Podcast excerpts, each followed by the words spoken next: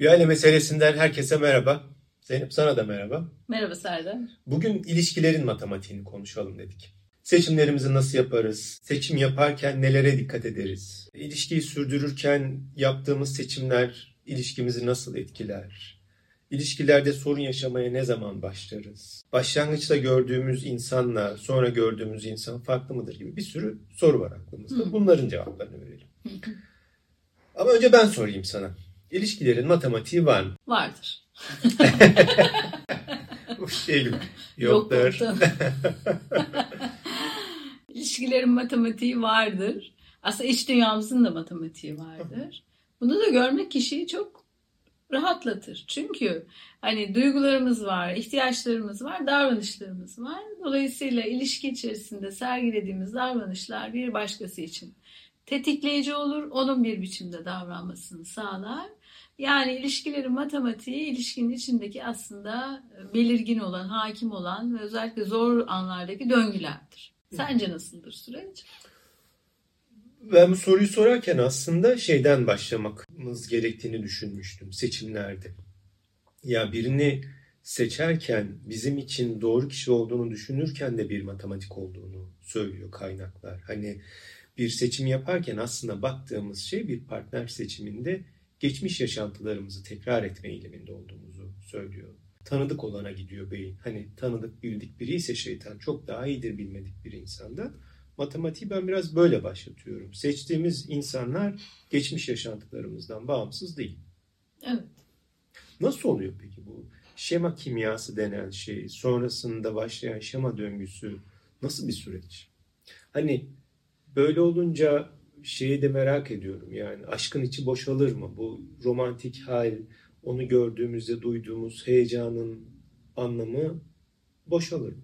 Yok bence şema kimyası aşktır deyip de orayı boşaltmamak da lazım yani. Aşk da tamam o heyecanı, o büyülü hali ama mekanizma nasıl? Yani aslında birini partner olarak hayatımıza aldığımızda flört ilişkisi içinde e, ilişki deneyimlerimizi tekrar ediyoruz. İlişki deneyimlerimiz, ilk ilişki deneyimlerimizde ebeveynlerimizle bizi bakan, büyüten kişilerle oluyor.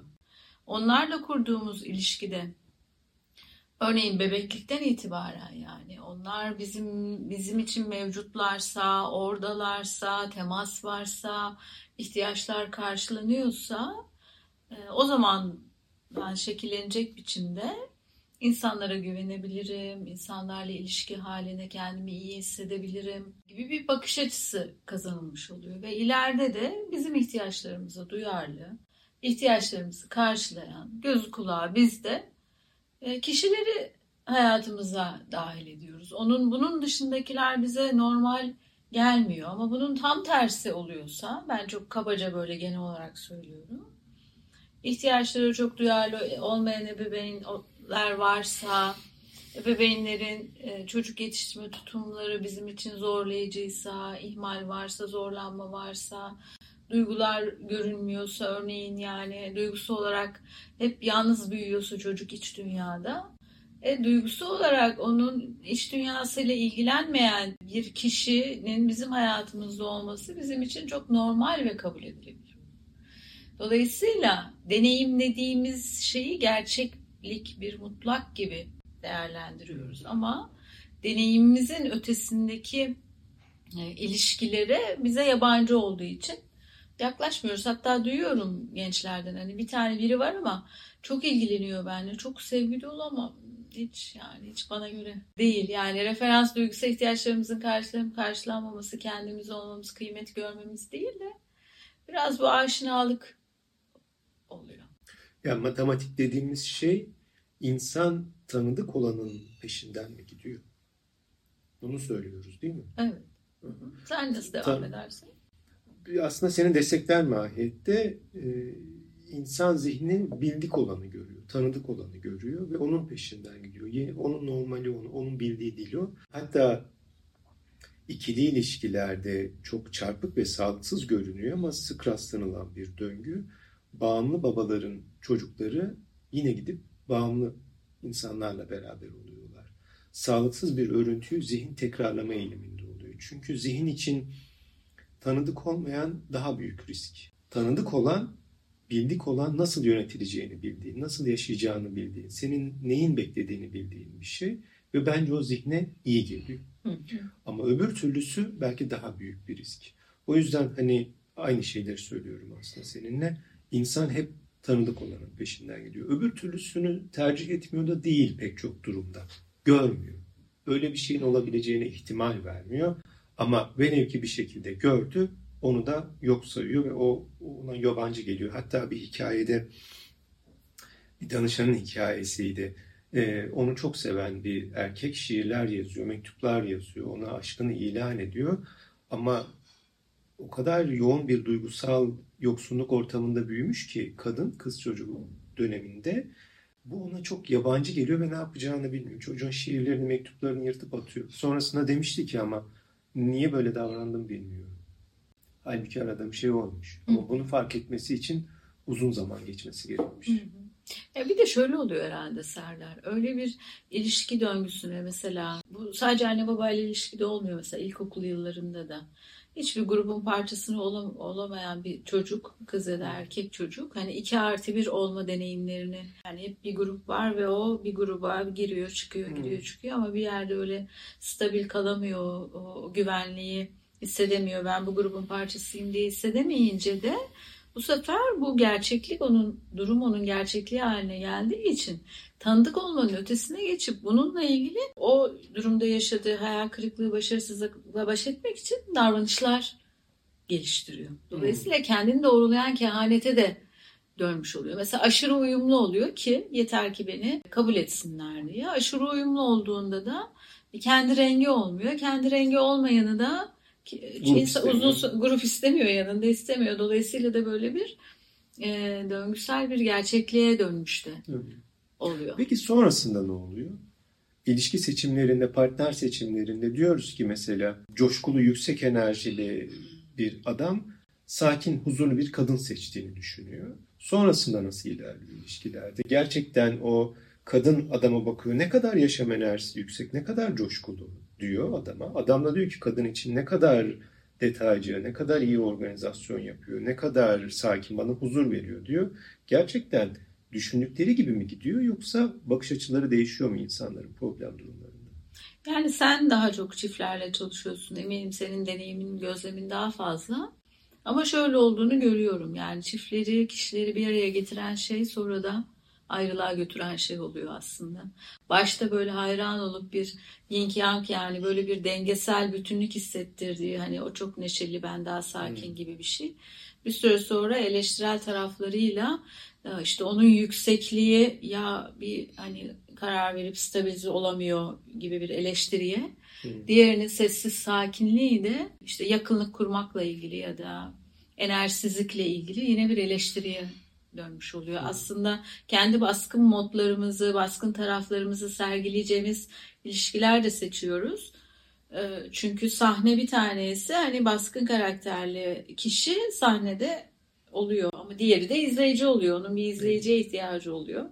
Ve güzel bir uyum sağlanmış oluyor ama sonra diğeri sadece sahnede olmaktan sıkılıyor, yoruluyor ya da diğeri de izleyici olmaktan sıkılıyor, yoruluyor. Hani ilişki bir danstır yani böyle başlangıçta bizi bir araya getiren baskın taraflarımız var. Ama sonra birlikte değişim, dönüşümü başarınca bu herhalde daha uzun soluklu bir ilişkiye dönüyoruz.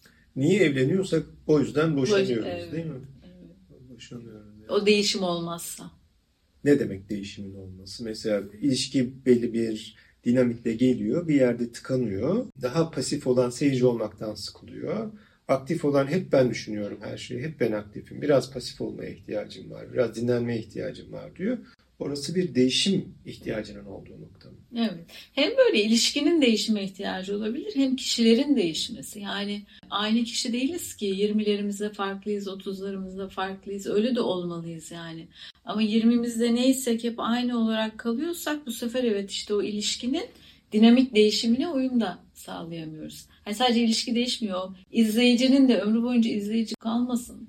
Hani o da e, kendini ortaya koyabildiği, daha rahat olabildiği, kimliğini ortaya koyabildiği bir değişim içerisine girin. E, diğeri de hep sahnede kalmasın. Hı. Çünkü onun da dinlenmeye, durmaya, kenarda olmaya, e, diğerine de alan açsın biraz hı. e, ihtiyacı var. Zaten kişiler değişince ilişkinin o e, yapısı da dinamiği de değişmiş oluyor.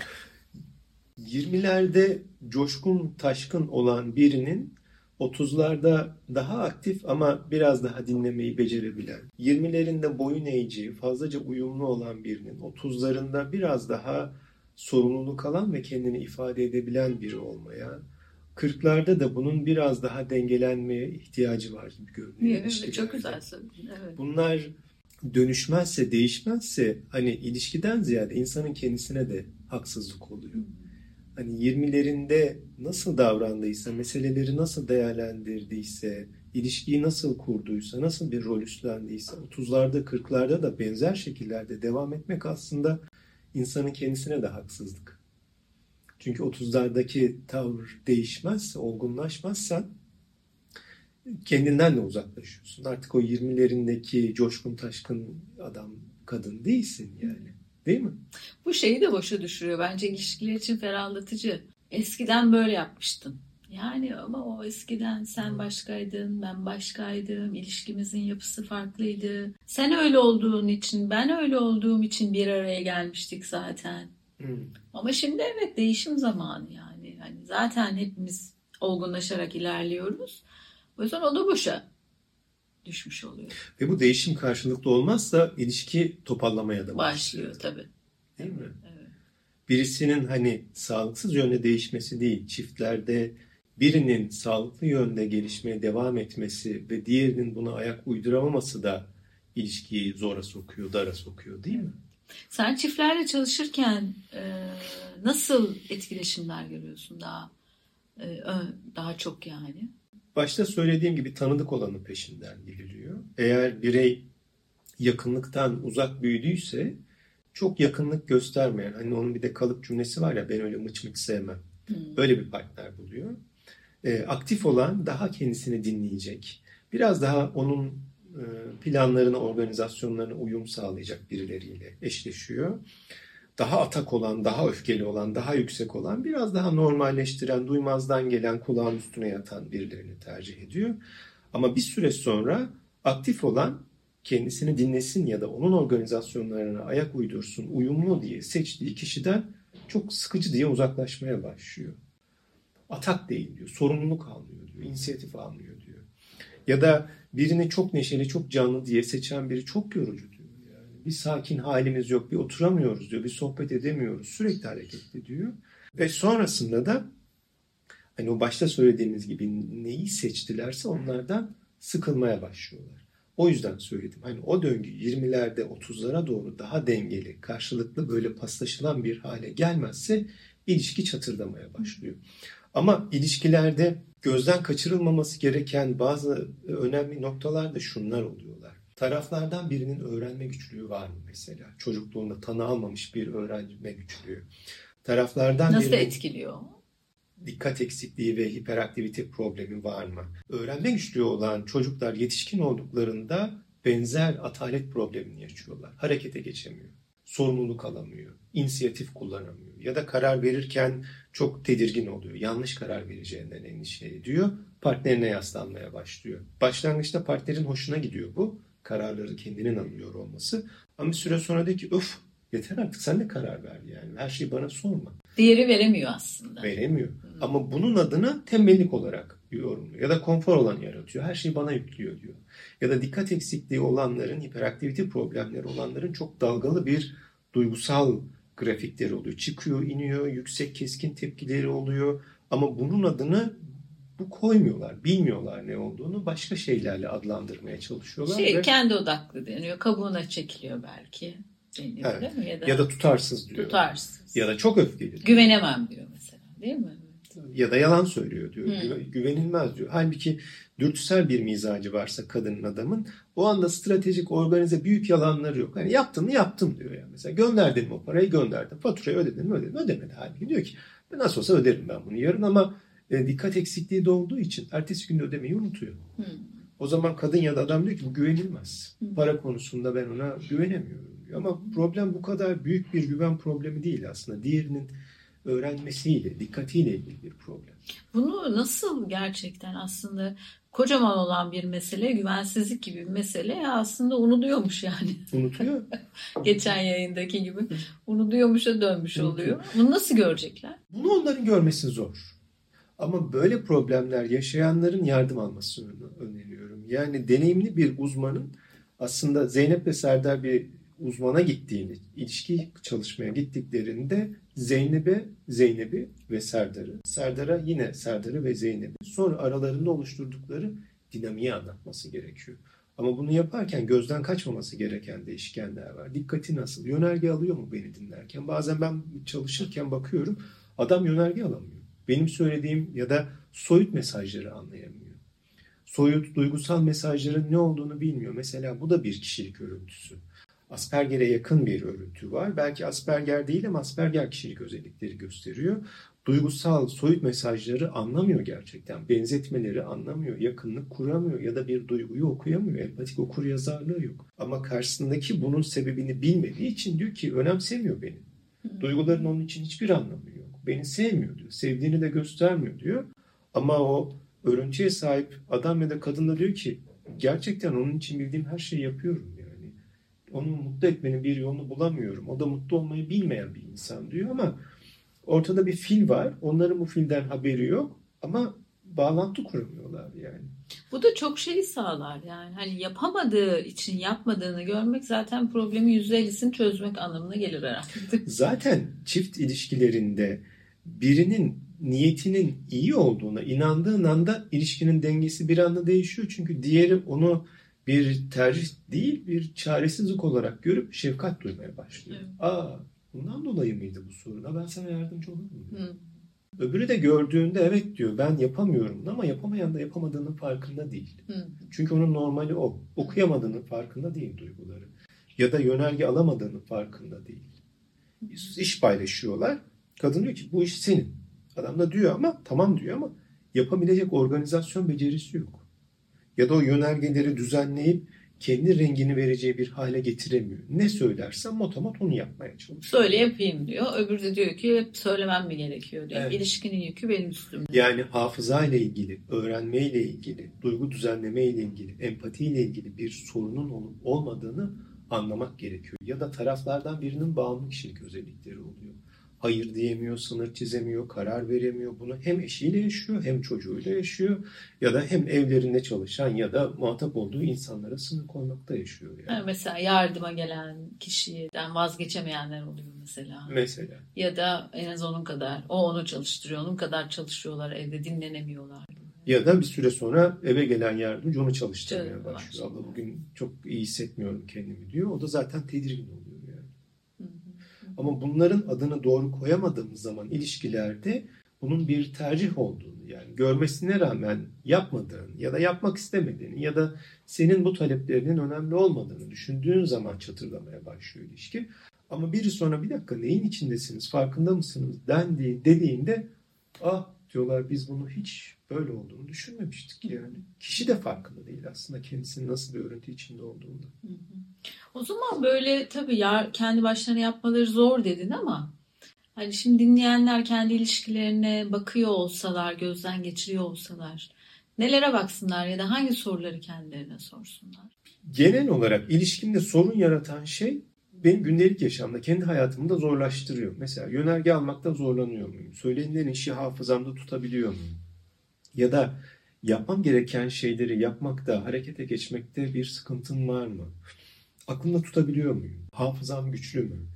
Duyguları okuyabiliyor muyum? Diğerinin duygusal ihtiyaçlarını okuyabiliyor muyum? Yani bana bir şey söylediğinde neden bahsediyor diye böyle bazen anlamadığım durumlar oluyorlar. Oluyor mu? Hı hı. Bunu fark ettiği zaman yani yalnızca ilişki bağlamında değil çocuğumla, dostlarımla, iş hayatında uyumumu aksatan, verimimi aksatan, potansiyelimi performansa dönüştürmemi aksatan şeyler var mı? Yoksa bu yalnızca eşimle yaşadığım sorunlar mı? Problemin geneline bakmak gerekiyor. Ya da benzer şekilde eşin de diğer tarafı değerlendirirken bütüne bakmasını tavsiye ederim. Yani. yani gerçekten bunu yalnızca benimle mi yaşıyor? Hı. Yoksa hani genelde mi bunun bu durumlarda bir sorunu var? Ama bazen kafa karışıyor. Bazen bir problemin içeriye bakan yüzü olur ilişkilerde bir de dışarıya bakan yüzü olur. Anadolu'da buna en iyisi derler. Mesela adam dışarıda cömerttir, iyi kalplidir, şefkatlidir, merhametlidir, kimseye hesap ödetmez, herkesin problemine sahip çıkar.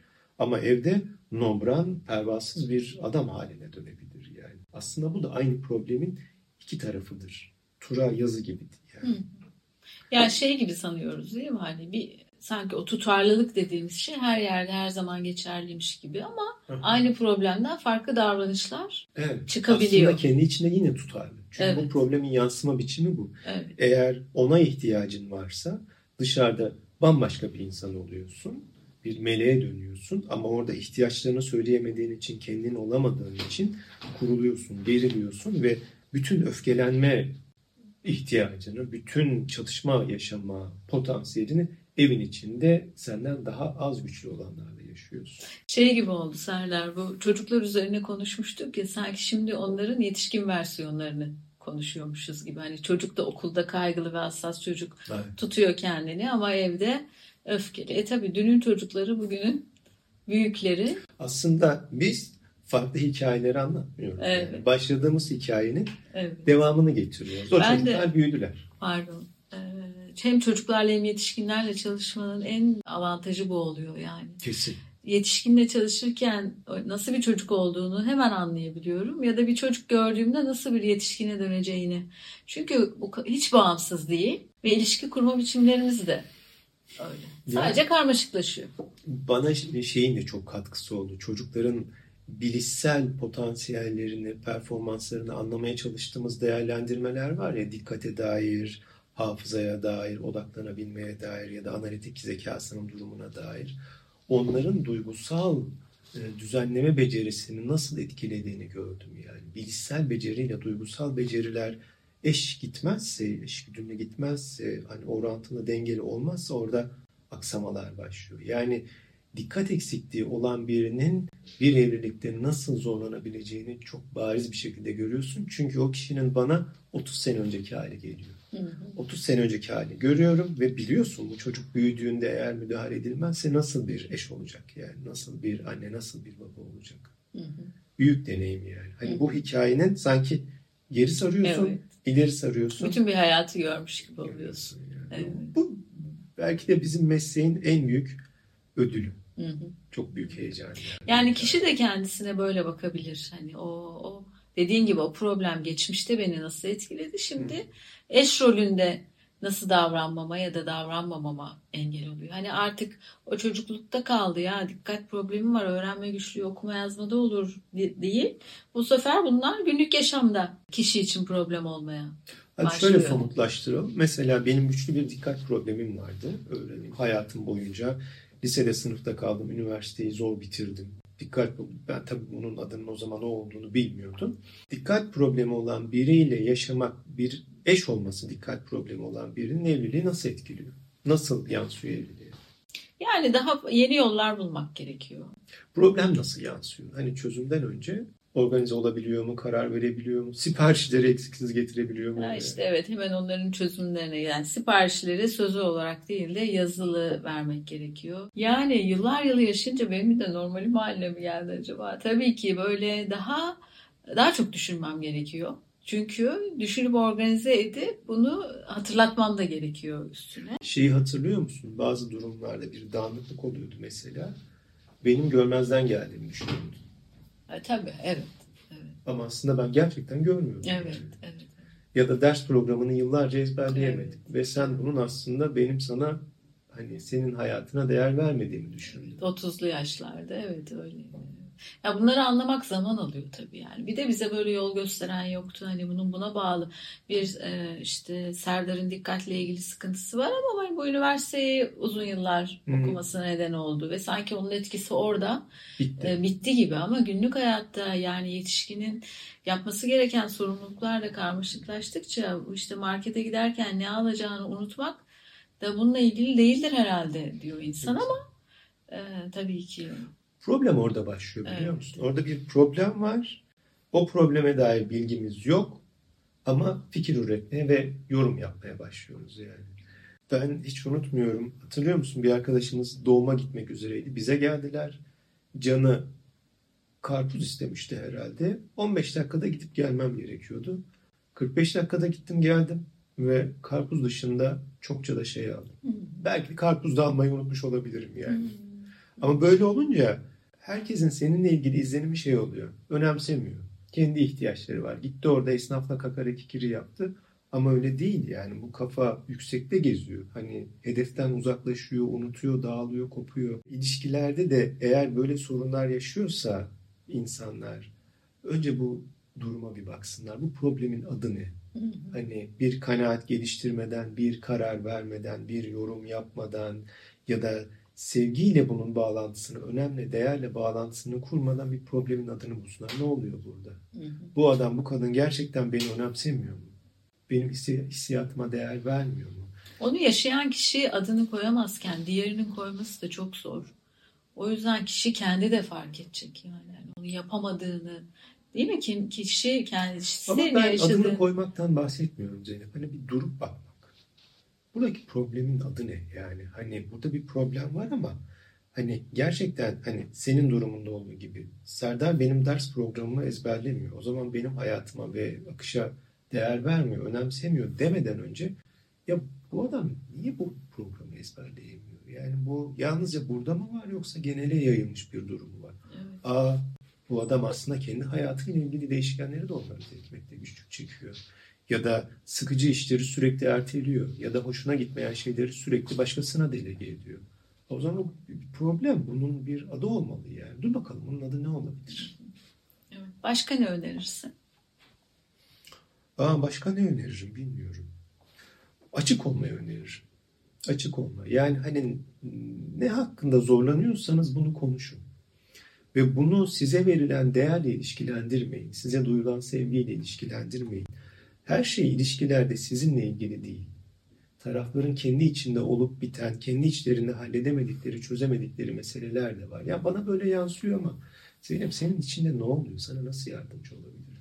Ne güzel geldi böyle sorma. Aa, evet. Yani bunu ben Yayından sonra da sorarsan sevinirim. sorarım tabii. Yani hani kendimle ilişkilendiriyorum ama e, sen de zorlanıyor gibisin. Yani desteğe ihtiyacın var mı? Ben senin için ne yapabilirim? Zaten ilişkilerde beden bedene, ruh ruha doyuyor. Bir süre sonra nerede hangi şaka yapacağını bile biliyorsun. Nerede neye güleceğini, nerede neye nasıl tavır göstereceğini.